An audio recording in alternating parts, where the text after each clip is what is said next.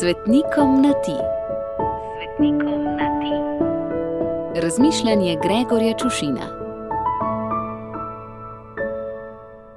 Preljubi sveti Edmund.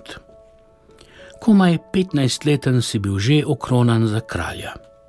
Če pomislim, kaj mi je 15-letnemu pubertetniku rojilo po glavi, ali če pogledam svoje mulce, ne bi ne njim, ne samemu sebi, 15-letnemu, zaupal niti vodenja Društva za mirno rast trave. Kaj šele, da bi si oziroma jim v roke potisnil žezlo in rekel: Vladaj. Še zdaj, v letih, ko si lahko na prsi kot medalje, brez nevarnosti, da bi se kdo pretirano zgražal ali govarjal, pripnem nekaj čestitljivih pridevnikov, kot naprimer modr, zrel, preizkušen, me prav nič ne mikajo vodstvene funkcije, ne v društvu za mirno rast trave, še manj državne. Res pa je, da živim v deželici, kjer se mi vse pogosteje zdi, da nam vladajo nedorasli otročaji. In nažalost ni prav nič drugače, tudi ko se ozrem nekoliko čez planke. Tudi ti, ljubi moj sveti Edmund, se verjetno nisi prav nič tepal za krono. Posadili so ti jo na glavo, ker si bil kot kraljev sin na vrsti. In ko me razglasijo, da je kralj mrtev, že tudi vzklikajo: Živel kralj. Kljub mladosti si bil menda zrel.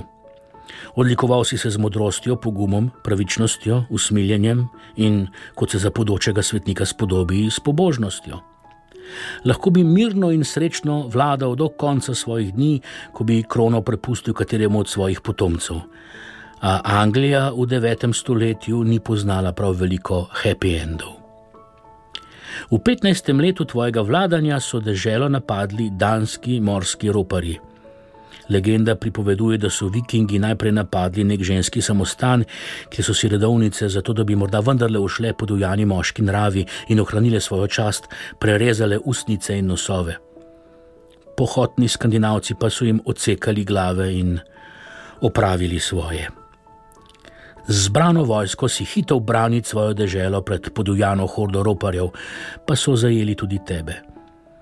Hoteli so te prisiliti, da bi zatajil svojo vero in prestopil na njihovo stran, tako bi si najlažje pokorili vse tvoje podložnike, pa si ostal stanoviten, svojo zvestobo kraljestvu in Bogu pa plačal življenjem.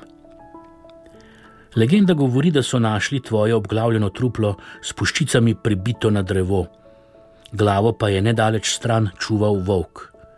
Ko so glavo položili k truplu, se je leta zopet zarasla s telesom. Uživel sicer nisi, kot bi človek lahko pričakoval v legendi, je bil pa to prvi v nizu čudežev povezanih s tabo, tako da te je ljudstvo še pred uradno razglasitvijo častilo kot svetnika. Ljubi moj sveti Edmund, obilo žegna za tvoj god pa nam ga vrni in izline nas, da ne bomo brez glavo bežali pred dožnostmi in obveznostmi, ter da si bomo upali upisati se med legende. Gregor.